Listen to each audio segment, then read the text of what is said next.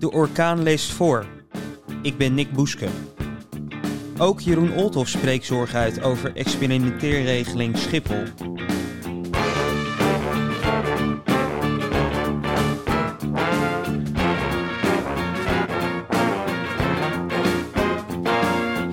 Gisteren plaatsten we een stuk waarin de zorgen van Zaanse bewoners over de verhoging van geluidsnormen van Schiphol werden besproken. Ook Jeroen Olthoff, voorzitter van BRS en lijsttrekker van de Partij van de Arbeid voor de Provinciale Staten van Noord-Holland, diende namens de bestuurlijke regio Schiphol een zienswijze in op de regeling. Deze regeling ligt momenteel ter consultatie. In oktober 2022 is een bestuurlijke overeenkomst gesloten over verbeteren interlijk bestuurlijke samenwerking.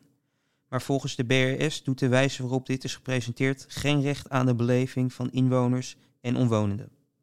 Zienswijze. Volgens het BRS wordt binnen de Novex Schiphol-regio gewerkt aan de verbetering van de leefomgeving. Maar dit perspectief ontbreekt in het verhaal. Quote, er lijkt sprake van twee verschillende werelden.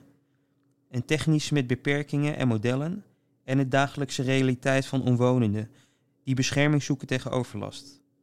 Maak het perspectief van de inwoners het vertrekpunt voor deze regeling. Ook ontbreekt een toetsingkader voor de verlenging van de regeling en is het onduidelijk hoe interbestuurlijke samenwerking hierbij worden betrokken. Inhoudelijke punten.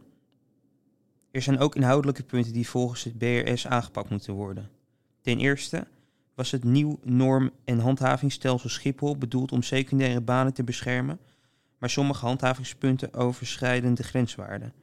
En het verhogen van de grenswaarde is slechts een signaal en zou de scheefgroei legitimeren. Ten tweede verwachten inwoners rond de primaire banen meer bescherming en het verhogen van de grenswaarde past daar niet bij. Daarnaast zijn de grenswaarden gebaseerd op 460.000 vluchten en is het onduidelijk of ze worden verlaagd als de krimp naar 440.000 wordt toegepast.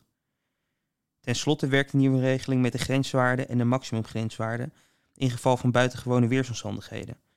Maar er is geen definitie van buitengewone weersomstandigheden opgenomen. Ter informatie, BRS betekent de bestuurlijke regie Schiphol. Het is een samenwerkingsverband tussen gemeentes en provincie in de Schipholregio.